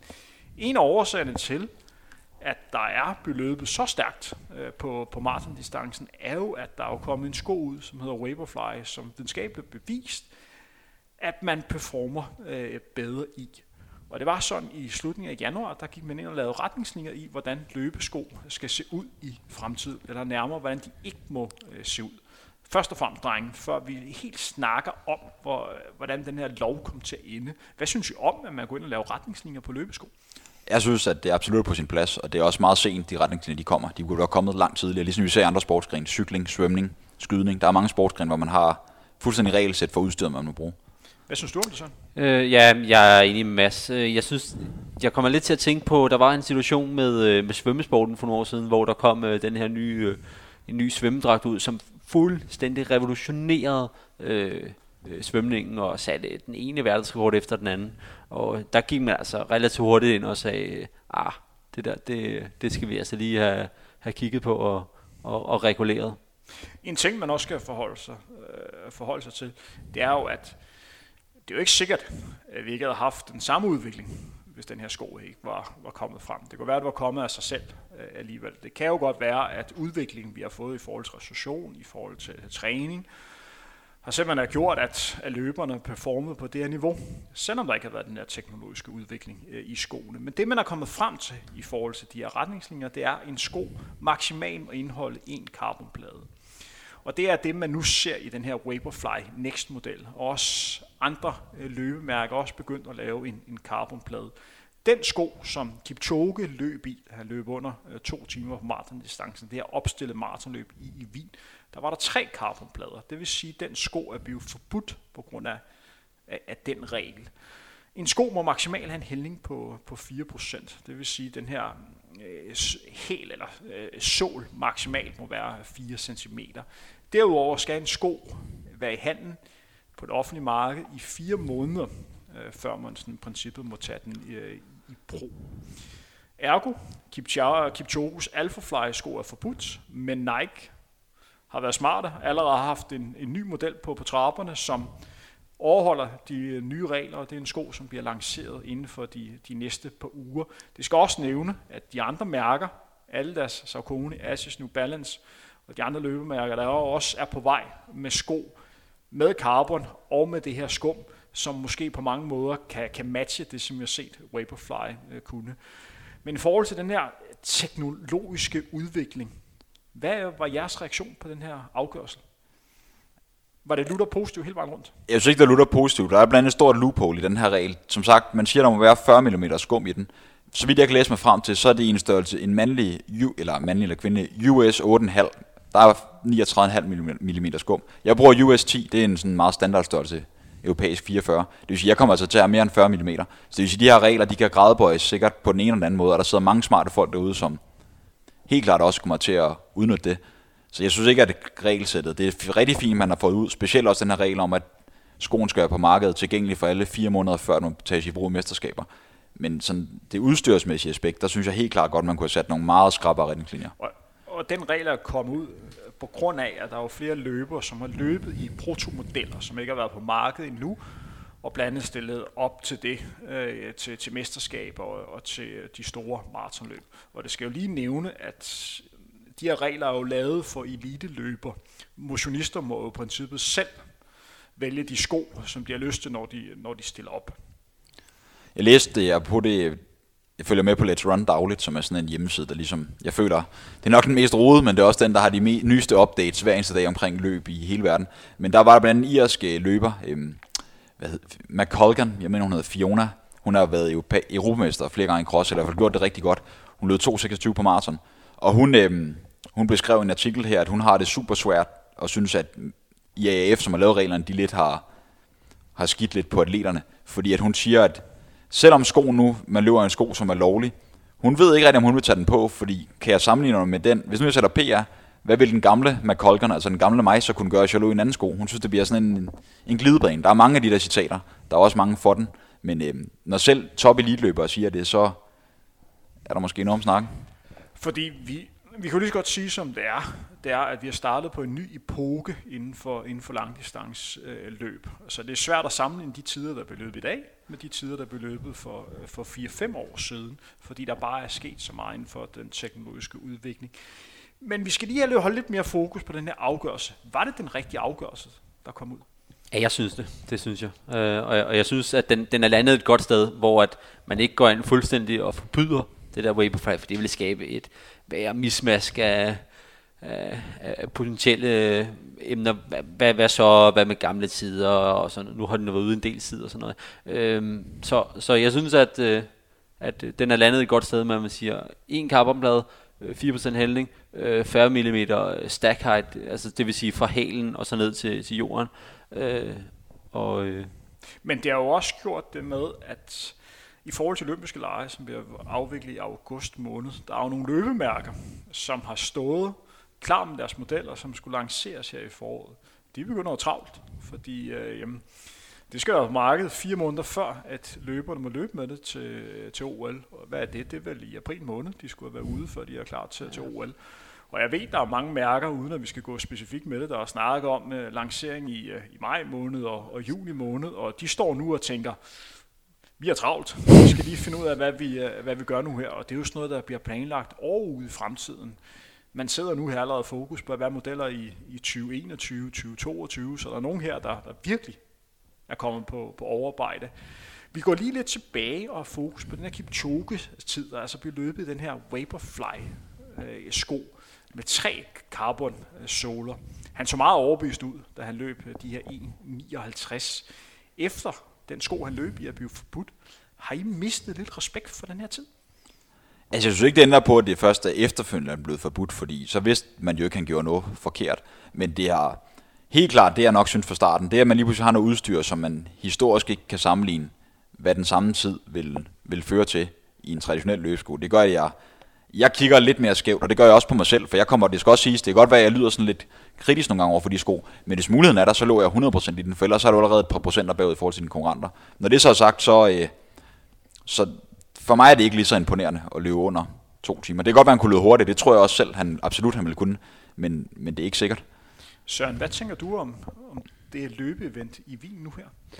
Øhm, ja, men jeg, jeg, jeg synes for mig har det ikke ændret så meget, fordi for mig det var, det var jo aldrig sådan et, et, et, et hvad skal man sige, sådan et, et, et, et, et rekordforsøg eller magtsystem. For mig var det jo sådan lidt en, øh, ja, en begivenhed, sådan lidt ligesom øh, Bannister for nogle år siden, ikke? som også løb i et øh, ikke godkendt løb. Øh, med, øh, hvor han fik pace undervejs og sådan noget. Ikke? Øhm, så for mig er det sådan lidt, lidt et, et freakløb, og, og det vil det egentlig stadigvæk være for mig. Og helt ærligt, jeg, jeg tror, at hvis han gik ned i maratonsporten og købte et på øh, Vaporfly, jeg tror også godt, han kunne løbe under to timer. Det havde, har absolut måske lige været øh, en, en procent øh, eller en halv procent svær, øh, hårdere for ham, men jeg tror, at Kipchoge har så stor en motor, at, øh, at den dag der, jeg tror godt, han kunne have gjort det i et, øh, par, på, på almindelig Waverfly, eller måske endda ikke engang normale, ikke, ikke Waverfly. Men vi er jo enige om, at hvis vi sådan deler det op og så adskiller begivenhed med præstationen, det var stadig en stor begivenhed. Altså det, det her arrangement er virkelig blevet brandet ind. Der er super mange mennesker, som, som fulgte med, og der var stor opmærksomhed omkring det. Når vi så snakker om præstation, så er det der, hvor det begynder at blive usikkert, fordi hvor stort var det her egentlig? Fordi vi ikke rigtig nåede at sammenligne med, fordi der var en masse ting, som ikke er tilgængelige i mange andre løb. Og det er dermed, at det her det største løberesultat nogensinde?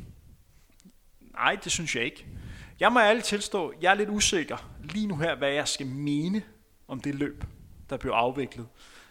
Jeg er usikker på, hvordan man husker tilbage på det om, om 5-10 år. Og jeg er bange for, at man vil tænke tilbage på det løb, hvor der blev løbet i sko, som blev forbudt. Lad os gå lidt videre. Er det godt eller skidt, at der er kommet så meget ekstra fokus på løbesporten på grund af al den her skosnak? Jeg, jeg synes, det er, jeg, jeg synes, det er en negativ ting, fordi jeg, jeg synes, det fjerner lidt snakken for, for selve præstationen, at, at okay, hvor, hvor meget af den er så skoen og sådan noget. Så, altså, jeg, jeg kan jo bedre lide at snakke om, om den rene atletiske præstation. Og der er det lidt et, et, et Ja, det, det er sgu Søren, lidt en jeg lige irritation. stoppe det her, fordi den store historie, da øh, Kipruto, Bruno Kipruto, løb verdenskort på, på 10 km landevej, var jo sådan set ikke, at han har løbet den her fantomtid, og det er virkelig en fantomtid, når man løber 26-24 på, på 10 km landevej, og mere, at han ikke havde Vaporfly-sko på, som alle andre, men løb det i, i gode alle deres sko, men ikke sko, som videnskabeligt var vist var, øh, var lige så hurtigt som de her Vaporfly. Ja, det lidt var overskriften. Det er da ærgerligt, og noget af en af de største præstationer i lang tid. Ja, ja, det, ja, absolut. Øh, og så, jeg ved ikke, for, for mig synes jeg også lidt, at jeg, jeg har, det bekræftede mig lidt i en, en teori, jeg har haft i, i noget tid, at jeg tror måske, de der Vaporfly-sko, måske at de er blevet en lille smule overvurderet. At, øh, jeg tror absolut, de er de bedste på markedet. Jeg tror absolut, at det giver noget i forhold til tidligere. Men altså, der er nogen, der har nævnt øh, to til tre minutter på, på en maraton. Det, i hver- i hvert fald for, for, for de topløbere, det synes jeg er, klart overdrevet. Altså, jeg, jeg er mere nede på sådan, måske et sekund per kilometer eller sådan noget. Og som sagt, jeg nævnte det før, men der er Max. andre modeller på, på trapperne, som er øh, taget brug af mange topløber, øh, som højst sandsynligt ligger matcher øh, de her sko. Og det vil man kunne se i løbet af af 2020, at der vil komme Adidas øh, løber, Saucony løber, New Balance løber, som nok ligger og kan performe på, på samme niveau, fordi de har fået det, øh, de samme udstyr øh, til rådighed. Mads, i forhold til den her løbesnak, når vi sådan går 3-4 ude i fremtiden, tror du så stadig, vi vil snakke så meget om sko? 3-4 uger. 3-4 år ude i 3-4 fremtiden? år. Ja, jeg tror lidt, det er lidt en ære. Det var ligesom 2020, som blev startskud i hvert fald officielt på, hvor, og egentlig også årene tilbage, hvor de her vilde sko kom på markedet. Fordi at det, jeg altid har set atletikken som, og nu specifikt løbesporten, det er, at der er sådan et historisk stort grundlag. Man kan sammenligne, hvem løb hurtigst på 5 og 10 km i Europa, i verden, i Danmark. Og pludselig vil man have sådan lidt bittersød fornemmelse. Jeg kan huske, apropos, vi nævnte tidligere Mikkel Dahl. Øh, vi skrev sammen omkring i weekenden der med, som han siger, hvis nu han løber på 5.000 meter. Hvis nu han løber et par Alphafly eller Waverfly, øh, eller når Peak-skoen kommer ud, som bliver lanceret her til sommer fra Nike af. Hvis nu han løber 13.22, det vil sige 3 sekunder hurtigere end Dennis Jensen dansk rekord, så vil han stadig have det lidt svært med, fordi hvad nu hvis Dennis havde haft samme sko, og han så lød 13-10? Altså det der med følelsen af, er det skoene, eller er det manden, som Søren også nævnte, der gør det? For det fede ved løbesporten, synes jeg også, som Søren nævnte i starten, helt tilbage til introduktionen, det er det der med, at det er så ren en sport. Øhm, så jeg tror absolut, at man kommer til at snakke om 3-4 år siden, for det er epokegørende på mange områder. Det er ikke kun negativt, det er også måske godt for sporten på et eller andet omfang, at der sker noget udviklingsmæssigt, fordi det er sådan en meget konservativ sport. I cykling har vi set det i mange år. Øhm, det er bare fordi, det er så nyt for os, vi måske ikke helt ved, hvad vi skal forholde os til. Man kan også sige, at, at løbesporten har jo udviklet sig på andre måder end, end lige løbesko. Så altså, det vil jo altid være svært at sammenligne med, øh, med, med, med tidligere tid. Det er jo ikke kun skoene, der udvikler. Altså også, øh, hvad hedder det, øh, indtagelse af drik under løbet er jo meget udviklet. Hvor meget giver det? Hvor meget giver at bedre restitutionsmuligheder? Så jeg synes altid, at der vil jo lige meget, hvilken sport man, man snakker om, der vil jo altid være det der, men i forhold til tidligere, at, at, at, at, at sådan er sport, det udvikler sig bare. Så, mm. så det vil jo altid være øh, sådan, at, øh, at, at, at ting ikke kan sammenlignes direkte øh, fra, øh, fra 220 til, to, til, til 1980'erne. Nu kommer jeg med en, øh, med en påstand. Og årsagen til, at jeg nævner det, er, at jeg sidder her som vært, og gerne vil kaste nogle, nogle bolde øh, i luften. Det er ikke fordi, jeg siger, at det her det er sandheden, men jeg vil gerne høre jeres holdning til det. Det er jo ikke nogen hemmelighed, at der er en lille udfordring. Måske er den ikke helt så lille i forhold til doping, når vi snakker øh, absolut øh, top elite øh, løb. Der er jo flere og flere løber, der bliver taget for doping. Den her snak om sko, kan den også være med til at fjerne lidt fokus på det, der også kan være en udfordring, nemlig at der er nogle elever, der snyder. Det er svært at sige. Man er jo heldigvis begyndt at have mere fokus på antidopingarbejdet i atletikken. Jeg Men, håber, men du forstår mit, mit Jeg forstår godt spørgsmålet, at det måske- folk begynder at have fokus på, på skoene, hvor noget af årsagen kan også være, at folk snyder. Jeg er fuldstændig enig, og det kunne man godt være bange for, fordi det er alle aviser, det er alle nyhedskanaler. Bare på dansk tv kan vi se i Godmorgen Danmark og det ene og det andet, hvordan der konstant er snart den her Vaporfly, hvor man måske lidt, lidt glemmer den kedelige side af topsport også, som for nogen heldigvis en brøkdel også er at indtage forbudte stoffer. Så, så jo, jeg kan sagtens følge dig det, og måske, måske også tilbøjelig til at give dig ret. Og vi skal jo lige nævne, at der er også nogle, øh, nogle personer, der har været ude og argumentere for, at øh, de her øh, specielle løbesko, Vaporfly, skulle blive sidestillet i forhold til doping, og det skulle være snyd. Øh, og der er jo min holdning lidt til det, at så længe vi har en sko, som er offentlig for alle, det med, at man bare kan gå ned og, og købe på løbesko, så er det selvfølgelig ikke i kategori i forhold til, til, til doping. Og det er en lidt dårlig sammenligning. Nogle af argumenterne har jo selvfølgelig været, at der er løbere, der er sponsoreret af andre mærker, det vil sige, at de ikke har mulighed for at kunne løbe det. Men vi lever i, et, et, i en fri verden, og de løbere, som er sponsoreret, det er jo en gave at være sponsoreret, det er jo ikke en straf at være sponsoreret. De vælger jo selv, om de tager de sko på, eller om de holder sig til den aftale, som du engang har. Og hvor mange løbere og ellers sponsoreret, det er jo ganske få. Så det med at sammenligne med doping, synes jeg er skudt ikke bare lidt forbi mål, men meget forbi mål. Jeg er fuldstændig enig, og så er jeg også nødt til at sige, jeg nævner ikke navn, men sådan lidt skarpt, at de folk, som blandt andet har udtalt sig omkring, at det skal sidestilles med doping, og det er snyd, fordi de ikke har den sponsor, det er samtidig folk, som kører rundt på cykler, der koster mere end de fleste biler, vi ser på gaden. Det har normale mennesker heller ikke til rådighed for. Så hvis de skaber så over en sko, de har gået ned og købe i handelen for 2.200 kroner, skal de lige spænde ballerne. Altså det, det er sådan min rimelig kontante holdning. Du sidder og nikker, Søren. Jamen, jeg er fuldstændig enig. Øh, fuldstændig enig. Altså, at, at sidestille med doping, det er jo altså, det er helt, helt nonsens. Altså. Der, hvor det alligevel giver lidt mening at snakke om doping, fordi vi hurtigt ved, om det er ikke doping, det er det med, at vi snakker om, at skoene skal forbydes, fordi der er så stor præstationsfremmende øh, effekt. Men at sidestille det med decideret doping, øh, det er jo selvfølgelig øh, forkert. Lad os lidt stoppe den her skofokus øh, for i dag. Jeg havde jo lovet i andre udsendelser, at vi ikke kom til at snakke mere om øh, den her Vaporfly-sko, men jeg må nok bare indse, at det kan ikke undgås, fordi det fylder så meget. Vi skal lige vende ganske kort to løb, der kommer til at ske i den, den nærmeste fremtid. Det er henholdsvis Trials i USA, hvor de skal løbe om og kvalificere sig til olympiske lege i, i Tokyo, og skal vi lidt have fokus på, på Tokyo Marathon. Søren, jeg ved, at du er kæmpe fan af Trials i USA. Hvorfor det er det et must-see-løb? Altså for det jeg skal lige sige, de har jo to trials. De har jo deres bane-trials, og så har de deres marathon-trials. Og bane-trials er første sommer. Det her er deres marathon-trials. Og øh, jeg kan lige rise løbet, det er jo sådan så, at øh, man, kan kvali- man skal kvalificere sig til det her løb, og øh, man skal have løbet 2.19 for herrer, og 2.45 for kvinder.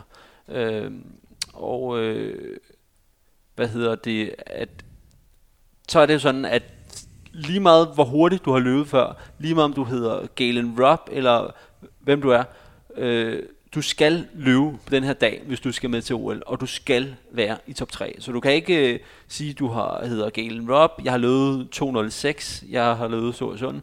Øh, hvis du har maveproblemer på dagen, så er det bare ærgerligt.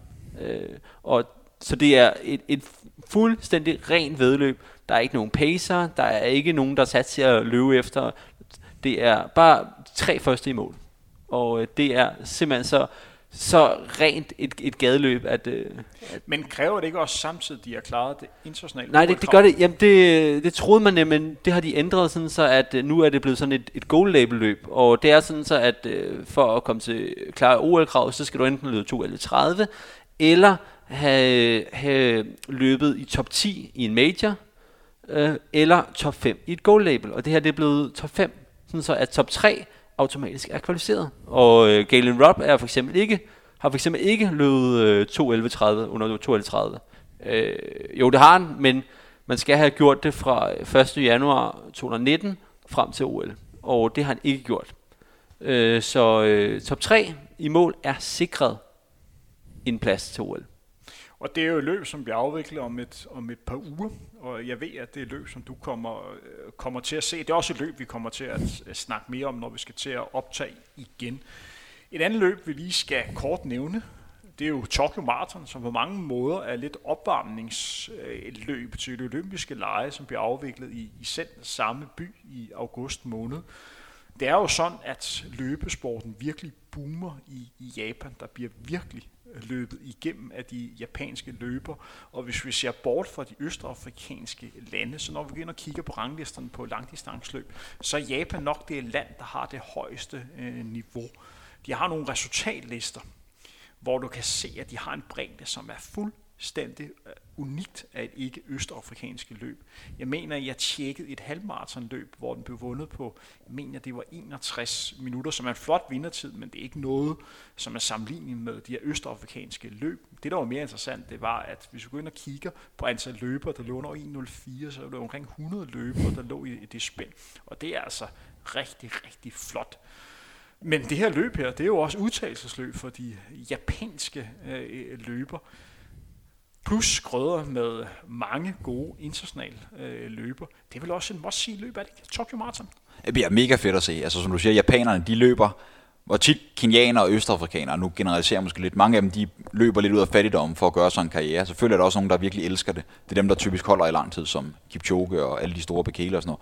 Men japanerne, de løber for deres ære, deres familie, deres navn. Så det vil sige, at vi kommer til at se folk, der heldigvis ikke på staveligt tal, men sådan overført betydning slår sig selv ihjel. Kommer måske folk, der har en PR på maraton på 2.10, men måske går ud i 61.30 det første halvmarathon, kommer hjem i, i en beskeden tid på, på 2.30-2.40 på maraton. Så det bliver sådan et, det, det, er netop det, jeg synes er fedt forløb. Det er der, hvor folk bare giver en gas og ser, hvad der sker. Det er ligesom at se high school øh, students i USA, som, som løber løb, fordi de, de løber med hjertet, de løber ikke nødvendigvis med hjernen. Det er vel også et løb, du glæder dig til? Så. Ja, det er sindssygt. Jeg glæder mig altid til at se Tokyo. Øh, men øh, hvad, altså, man skal også have med, at, at maratonløb er gigantisk stort i Japan. Altså kæmpe, kæmpe stort. De er verdens, de er altså nationale helte derovre, deres maratonløbere. Og, altså, og for dem at, at, kunne løbe et OL på hjemmebane, det vil jo altså, det vil, det vil være deres største i deres liv de nogensinde vil komme til at løbe. Øh, man skal lige med, de har faktisk løbet deres øh, japanske trials. Det gjorde de i efteråret. Okay. Øh, og, og de tre, og ligesom i USA, så er det de tre bedste, der kom med der. Øh, det vil sige, at den tredje plads på holdet øh, er stadigvæk åben. Det vil sige, at de tre første i trials, men den tredje plads kan blive skiftet ud af en anden løber, hvis den løber løber bedre end nummer tre øh, tid, så at sige. Ikke? Så de to første til deres trials er sikret, og nummer tredje plads er åben, og det er det samme for mænd og damer. En ting, som man blandt andet også har gjort i japansk langdistanceløb, det var, at man lavede en dusør, eller en præmie til den løber, som formåede at slå den japanske rekord på, på maraton. Og der var vi oppe og snakke et pengebeløb, hvor vi nærmede sig en samlet sum på omkring 3-4 millioner danske kroner, hvis du kunne slå den japanske rekord det her det er altså en god motivation for en masse løber i at komme ud og satse øh, på at, at, at løbe stærkt. Og på mange måder også en model, man måske kunne overveje i Danmark. Jeg siger ikke, der er nogen, der skal lægge 3-4 millioner mindre, kan, kan gøre det.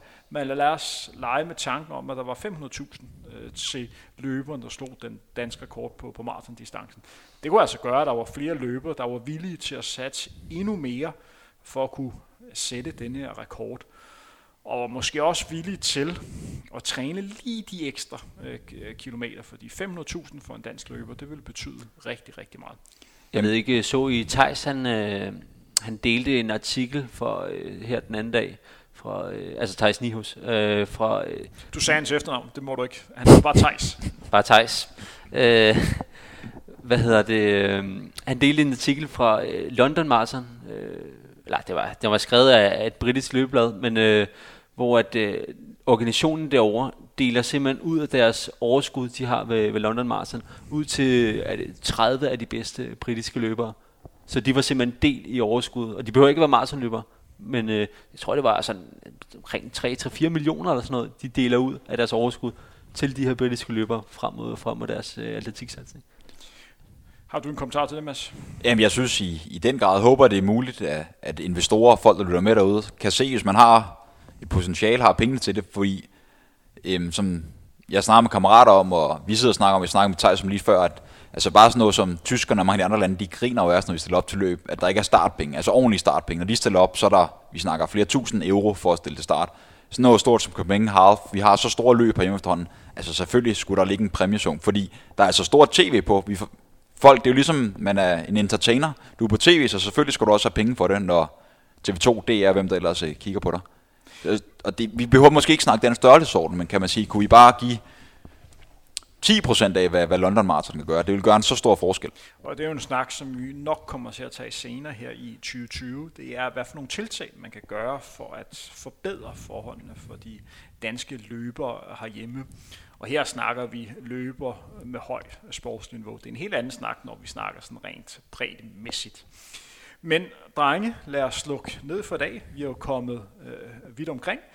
Vi har haft lidt fokus på, hvad der er sket indtil videre i 2020. Vi har kigget lidt frem på, hvad der kommer til at ske i en af de mest interessante weekender indtil videre i løbesporten her i, i det her år. Og så har vi snakket om, om Thijs kommer øh, til OL, om de her retningslinjer på, på løbesko. Jeres vært var undertegnet Henrik Thiem, og jeg vil gerne sige uh, tak til debutant Søren Rosenberg. Tak fordi du har lyst til at være med. Jo tak, det var sjovt. Var det, var det slemt? Nej, det gik okay.